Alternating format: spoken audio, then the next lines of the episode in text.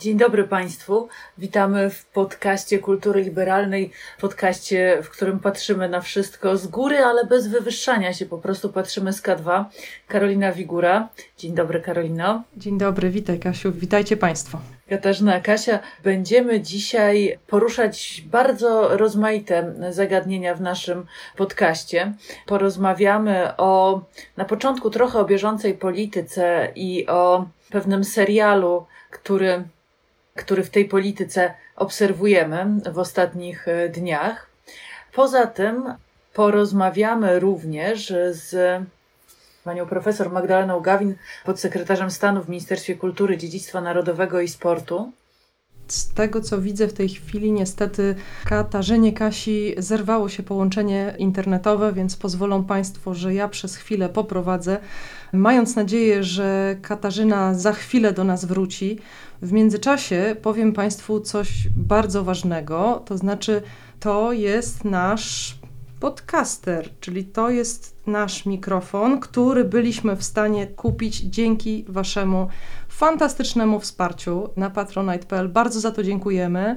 Jedna rzecz zasadniczo się zmieni dzięki temu mikrofonowi, to znaczy nasze podcasty nareszcie będą brzmiały tak, żeby Państwu było ich przyjemnie słuchać. Także to jest też dla Państwa prezent.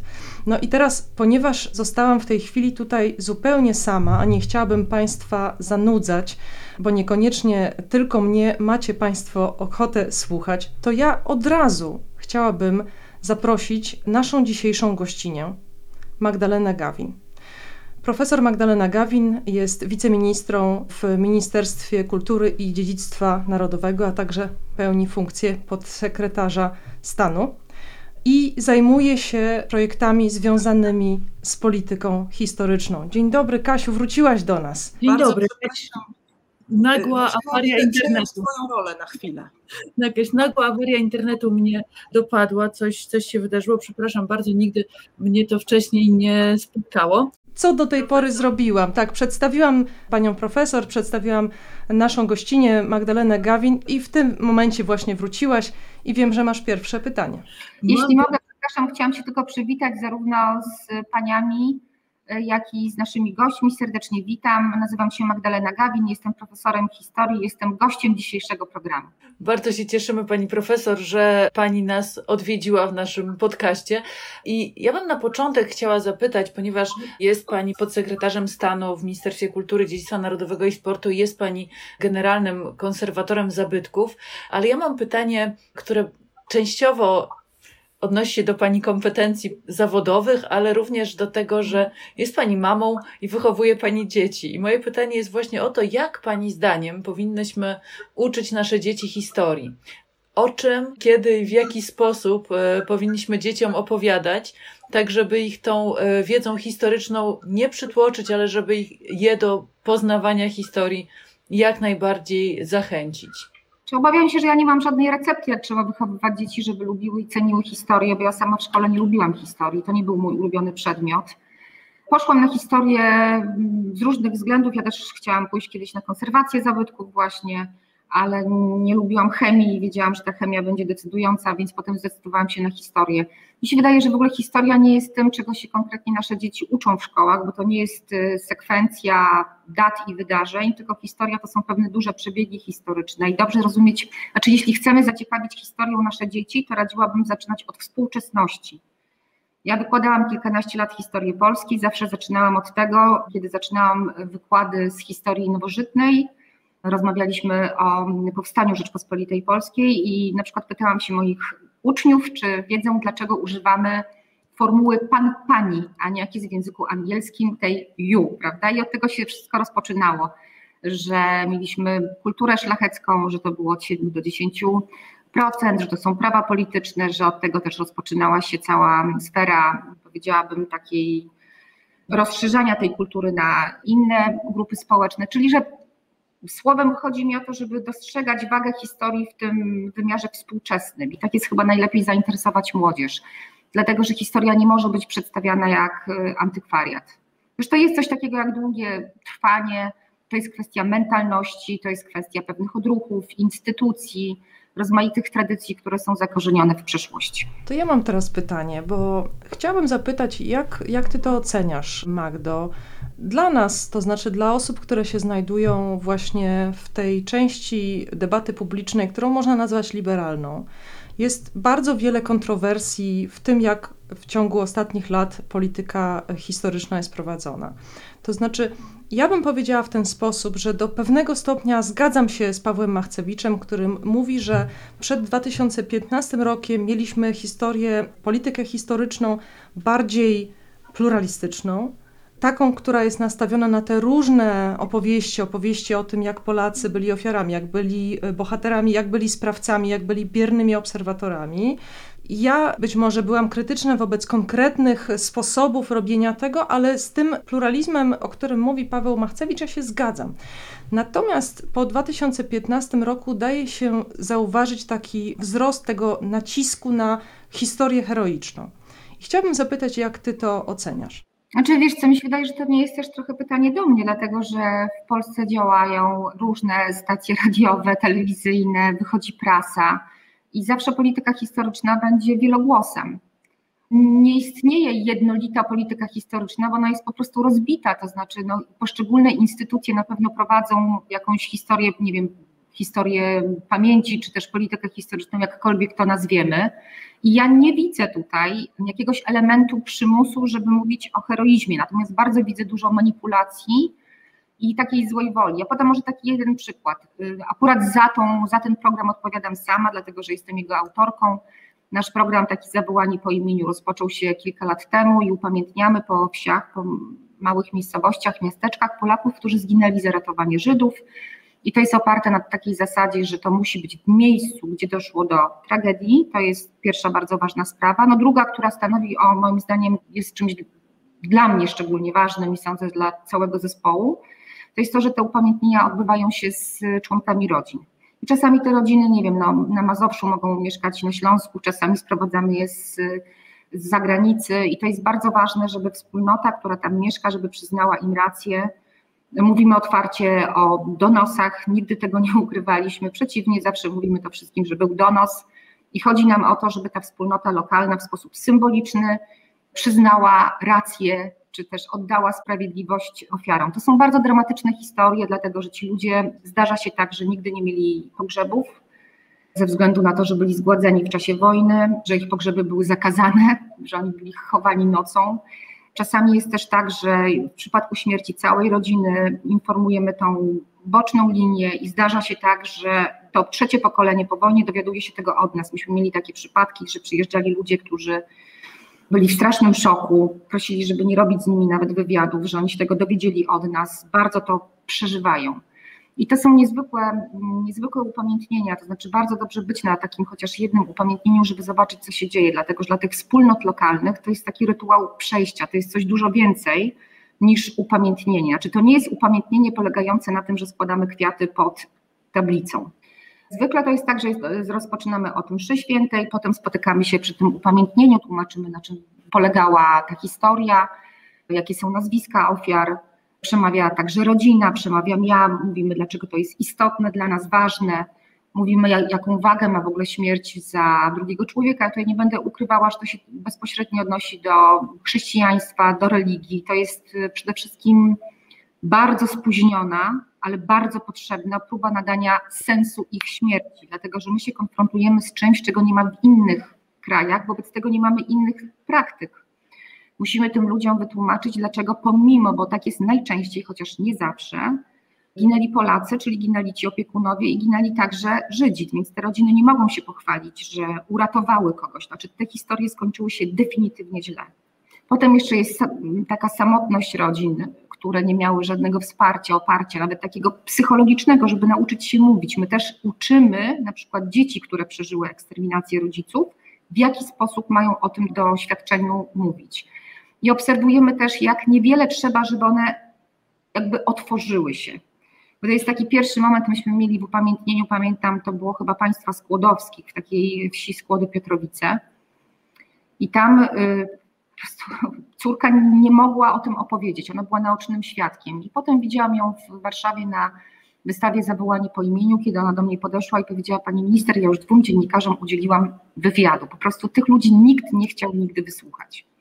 I teraz to jest bardzo ważny program. Przede wszystkim my oddajemy sprawiedliwość rodzinom, dlatego że wychodzimy z takiego założenia, że historia tych rodzin nie skończyła się w dniu śmierci rodziców, wujków, dziadków. Czy dla nich się otwierał zupełnie nowy etap życia? To są domy dziecka, to są rodziny zastępcze, to jest y, całkowity rabunek mienia, to są bardzo dramatyczne historie po wojnie. I kiedy mówimy tej lokalnej wspólnocie, żeby przyjęła tą rodzinę z tym takim bagażem, jaki ona ma, prawda, to tłumaczymy zawsze, że ukrywanie Żydów nie mogło być powszechne, że był ogromny terror i że właśnie musimy docenić te przypadki, które skończyły się najtragiczniej i najgorzej. Przeczytałam niedawno jeden z historyków, kiedyś związanych z IPN-em, który napisał o programie Zawołani po imieniu, że on polega na tym, że my tłumaczymy ludziom, że ukrywanie Żydów przez Polaków było powszechne. I to jest właśnie to, co nazywam takim echo chamber, w wolnym tłumaczeniu echo klatka. Czyli, że absolutnie nie polega to na tym, żeby ktoś zwrócił się, nie wiem, do Instytutu Pileckiego, zapytał się, po co wy to robicie, jak wy opowiadacie ludziom, jaki jest wasz cel, dlaczego chcecie zatrudnić psychologów do pracy z niektórymi rodzinami, bo mamy takie rodziny, i dlaczego to robicie? To wszystko jest ścieśnione do wymiaru albo powtarzania cały czas o heroizmie, albo do po prostu powielania nieprawdziwych takich kalek myślowych, że my tłumaczymy, że ukrywanie Żydów było powszechne. Więc w Polsce jest się ciężko też przebić y, z wytłumaczeniem, na czym polega dany program, albo jakie są tego cele, dlatego że już każdy wszystko wie i to powtarza się tak z ust do ust. Znaczy ja muszę przyznać, że sprowadzenie tego programu do prowadzenia takiej propagandy bardzo mnie zabolało. To znaczy, że ta osoba nie ma pojęcia, w jakiej sytuacji były te rodziny przez naprawdę dziesiątki lat. To znaczy, wiesz, jak ja o tym myślę, to myślę sobie e, przede wszystkim o tym filmie W ciemności Agnieszki Holland, który dla mnie jest być może najciekawszym, najlepszym filmem, który, który ona zrobiła. To znaczy, tam jest taka scena na samym końcu, która jest moim zdaniem wiele mówiąca, czyli ten ten e, drobny złodziejaszek, ten łobuz, ten drobny szabrownik, który jest głównym bohaterem tego filmu, który przechodzi tam głęboką przemianę wewnętrzną, na końcu wyprowadza swoich Żydów z kanałów i mówi do ludzi, którzy patrzą: Patrzcie, patrzcie, to są moi Żydzi, zobaczcie moi Żydzi. I tam jest ten moment tej potwornej ciszy. To znaczy, ci Żydzi w ogóle nie są mile widziani. No widzisz, tylko że tutaj jest jakby między nami różnica taka, ja mm, nie chcę e, absolutnie mówić e, nic negatywnego na temat tego filmu, tylko że widzisz, jeśli myśmy takich przypadków, a myśmy naprawdę zajmujemy się tymi najtragiczniejszymi przypadkami, dlatego że wychodzimy, część rodzin, bardzo mała, ma tytuł Sprawiedliwy wśród narodów świata, najwięcej z nich nie ma i to jest pytanie, dlaczego nie ma i o tym bym mogła bardzo długo opowiadać, natomiast niektóre rodziny mają do dzisiaj szczątki Żydów na swoich własnych podwórkach, nikt się ich nigdy o to nie pytał, więc to są jakby takie dostateczne dowody, że oni mówią prawdę. Ale wiesz co, ta sytuacja w ogóle, każda z tych rodzin ma kompletnie różną historię, która jest nieprawdopodobna i czasami te historie, uwierz mi, ciągnęły się do lat 80. Tylko, że jeśli to jest tak, że nie zajmowali się tym historycy, one nie zostały nigdy spisane i opisane, to my mamy w pamięci kilka takich symboli zapożyczonych albo z filmu, albo z jakiegoś jednego obrazu. Tam jest absolutne bogactwo historii i to takich, które się, powiem szczerze, znaczy ja jestem za każdym razem zaskakiwana, kiedy słyszę, prawda, bo kiedy jedziemy, teraz niedługo mamy 23 taką uroczystość w Bieczu, jeszcze nie słyszałam tej historii, bo zwykle Instytut Pileckiego do mnie przyjeżdża jakiś pracownik, który mi opowiada, na czym polegała ta historia. Ja bym ich nie wymyśliła. Znaczy, one są absolutnie poza naszymi granicami zrozumienia przez to, że myśmy przeoczyli w ogóle te rodziny. Ja mogę... My się zajmujemy właśnie tym, czym ja się nie chcę zajmować. Heroizmem, braku heroizmu. Tu w ogóle nie chodzi o to. Tym ludziom należy się sprawiedliwość. Znaczy, należy się absolutny szacunek. I ta wspólnota, tam gdzie oni żyli, powinna przyznać im rację. I to jest moim podstawowym celem. Ja tego nie neguję. Pamiętam zresztą bardzo ciekawą dyskusję, którą mieliśmy jako środowisko. Jeszcze wtedy nie istniała kultura liberalna, ale istniało już nasze środowisko. Rozmawialiśmy z Pawłem Śpiewakiem, który dzisiaj jest dyrektorem Żydowskiego Instytutu Historycznego i on powiedział właśnie, że chciałby dożyć takich dni, kiedy już nie jest, przepraszam, chciałbyś dożyć takich dni, kiedy, kiedy cierpienie polskie i cierpienie żydowskie byłyby opisywane w sposób pełny uczciwy, odpowiadający tym, co, co ci ludzie przeżywali.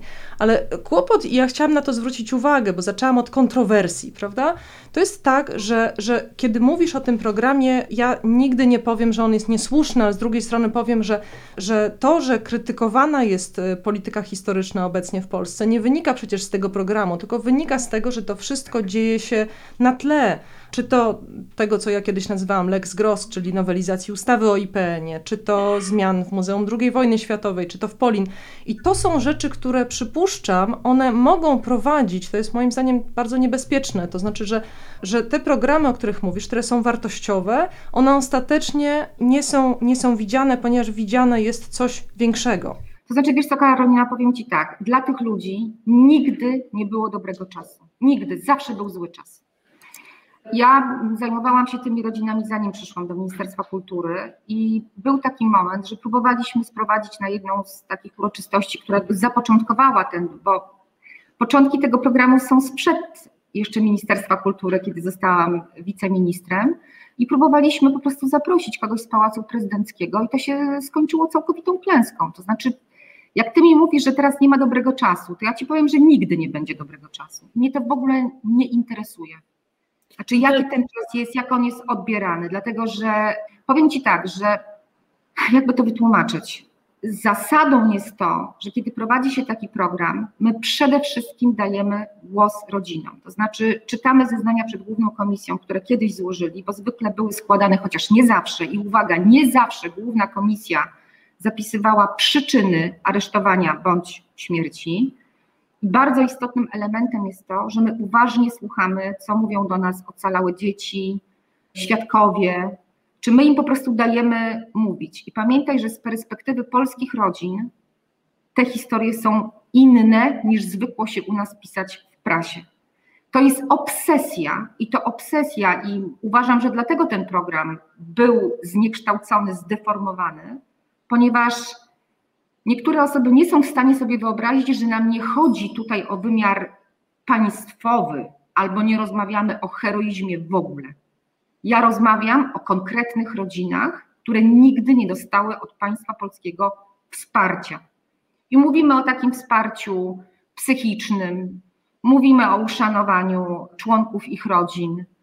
Kiedy pamiętam w jednej ze wsi odkrywaliśmy taki, odsłanialiśmy pomnik poświęcony Wackowi Budziszewskiemu. To był 18-letni chłopak, bardzo dramatyczna historia. To jest jedna z historii, których byśmy nie wymyśliły. Ten chłopak, kiedy przyjechało gestapo, był do nas na pewno. I wyprowadzili wszystkich Żydów i całą jego rodzinę. To była wielodzietna rodzina on chciał ochronić swoją rodzinę i całą winę w cudzysłowie za przechowywanie tych Żydów wziął na siebie, czyli wystąpił przed gestapo i powiedział tak, matka, ojciec nic nie wiedzieli, rodzeństwo nic nie wiedzieli, ja sam ich przyprowadziłem. I ten chłopak został zamordowany w obozie w Stutthof. I teraz ta matka z ojcem przez całe swoje życie, oni zostali wywiezieni na roboty, dzięki niemu przeżyli. Wyobraźcie sobie, co oni czuli przez całe swoje życie, zmagając się z tym, że ich dziecko zostało zamordowane przez ich decyzje. Słuchaj, to są sytuacje, które absolutnie, każda z nich jest inna i przekraczają to, co my znamy. Ja mogę sobie wyobrazić tą postać z filmu Agnieszki Holland, tak? Ale ja sobie nie mogę ani odwzorować tego, co my znajdujemy w konfrontacji z tymi rodzinami. Więc ja naprawdę radziłabym ich bardzo uważnie słuchać. Wracając do tego upamiętnienia. Odsłaniał z nami pomnik najmłodszy jego brat, który jeszcze żył. To był starszy pan, wykształcony. Ta rodzina była, zwykle te rodziny są, powiedziałabym, nawet jeśli nie są wykształcone, to mają taką wysoką kulturę osobistą. I on powiedział mi, że 10 lat się starał o upamiętnienie własnego brata. Tylko jakie szanse ma prywatny człowiek, który nie jest historykiem, nie, ma, nie umie poszukiwać w archiwach? On, y, ten Wacek Budziszewski nie ma tytułu Yad Vashem, ale dopiero Instytut Pileckiego odnalazł dokumentację w obozie Stutthof, gdzie jest y, napisana przyczyna osadzenia go w tym obozie, to znaczy zakwaterowanie Żydów.